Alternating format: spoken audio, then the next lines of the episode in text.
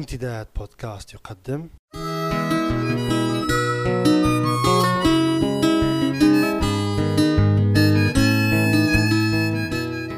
رسالة من لندن. مع جمعة بوكليب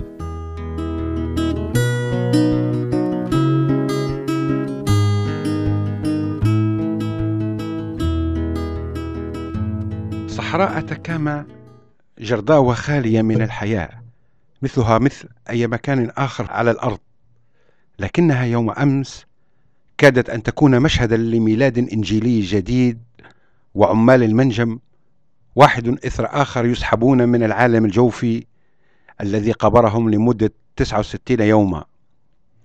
بهذا الوصف الوجداني الدقيق والرائع بدأ الصحفي البريطاني مارتن فليتشر تقريره الإخباري الذي نشرته صحيفة التايمز في صفحتها الأولى يوم الخميس الماضي تحت عنوان معجزة في سان جوزيه.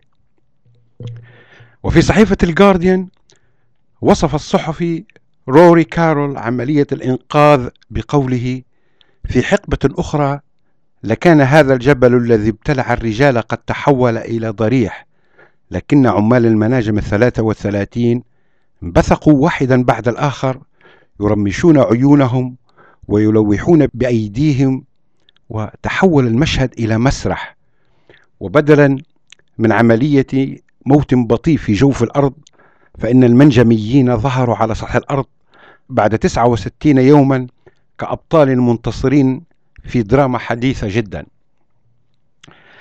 الحادثة المقصودة بالوصف هي موضوع الساعة أو بالأحرى معجزة عالمنا الصغير الذي لا يتوقف عن إدهاشنا بالمعجزات وإرهابنا بالكوارث. ثلاث وثلاثون عاملا منجميا في بقعة صحراوية مقفرة في تشيلي انهار عليهم المنجم فالتجأوا إلى أحد الملاجئ الداخلية وظلوا هناك مدفونين على بعد آلاف الأقدام تحت الأرض لمدة 69 يوما. ثم بعثوا للحياة وصخبها من جديد يوم الأربعاء الماضي.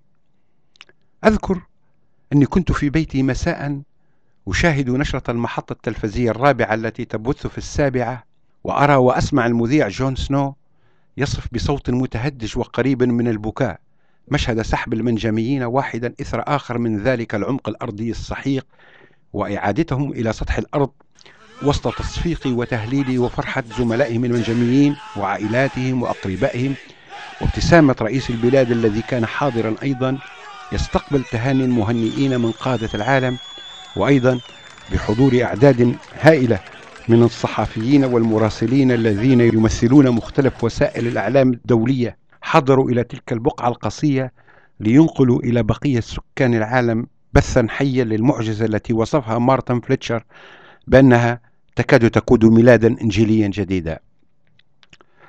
الخروج من الجب كما أحب أن أطلق على الحادثة التي وصفها المذيع جون سنو بأنها المرة الأولى في تاريخ البشرية التي يتم فيها سحب بشر من عمق الأرض يتجاوز الآلاف من الأقدام. وهذه العملية لم تكن ممكنة لولا إصرار الحكومة التشيلية وعزمها الحديدي على إنقاذ أرواح العمال المساكين وردهم إلى دفء أفراد أسرهم وأحبائهم. عملية الإنقاذ أيضا لم تكن سهلة وخالية من التعقيد. إذ استلزمت في البداية حفر نفق صغير ومد أنبوب معدني لتوصيل الطعام والشراب والمستلزمات الطبية للعمال في عمق الأرض وتوصيل الأجهزة التقنية اللازمة للتواصل معهم مثل الهواتف والكاميرات. والأهم من ذلك توصيل رسائلهم المكتوبة والمسموعة والمرئية إلى ذويهم وإلى كل العالم ومدهم بالتشجيع الذي عمل على رفع معنوياتهم وزاد من عزمهم على مقاومة الكارثة التي أحاقت بهم. في نفس الوقت تم إحضار آلة حفر ضخمة لحفر نفق يسع كبسولة معدنية تم صنعها وبحجم كافي لكي تنقل العمال واحدا إثر آخر من عمق العالم السفلي إلى بهجة ضوء الشمس على وجه الأرض في عملية معقدة وطويلة شدت انتباه الناس في كل مكان من العالم. كان الرئيس تشيلي في القلب من هذه العملية إذ كان يحضر عمليات الحفر لتقديم الدعم والتشجيع للعمال ولأسرهم.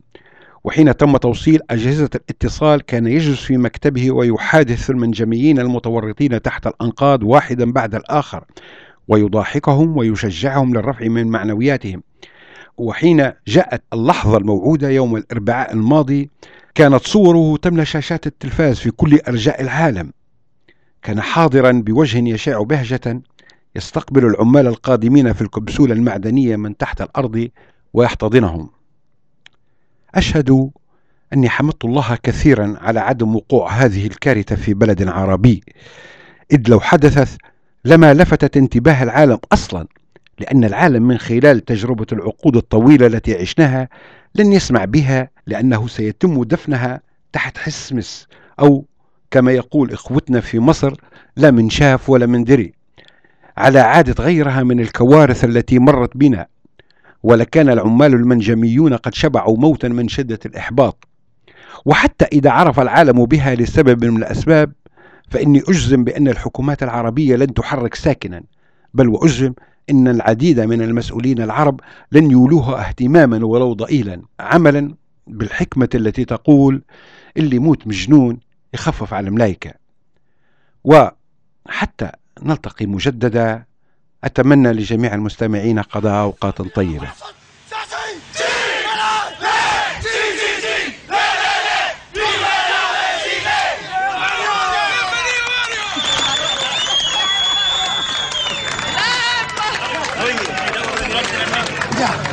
Para que salgan los otros viejos, si no estamos cagados.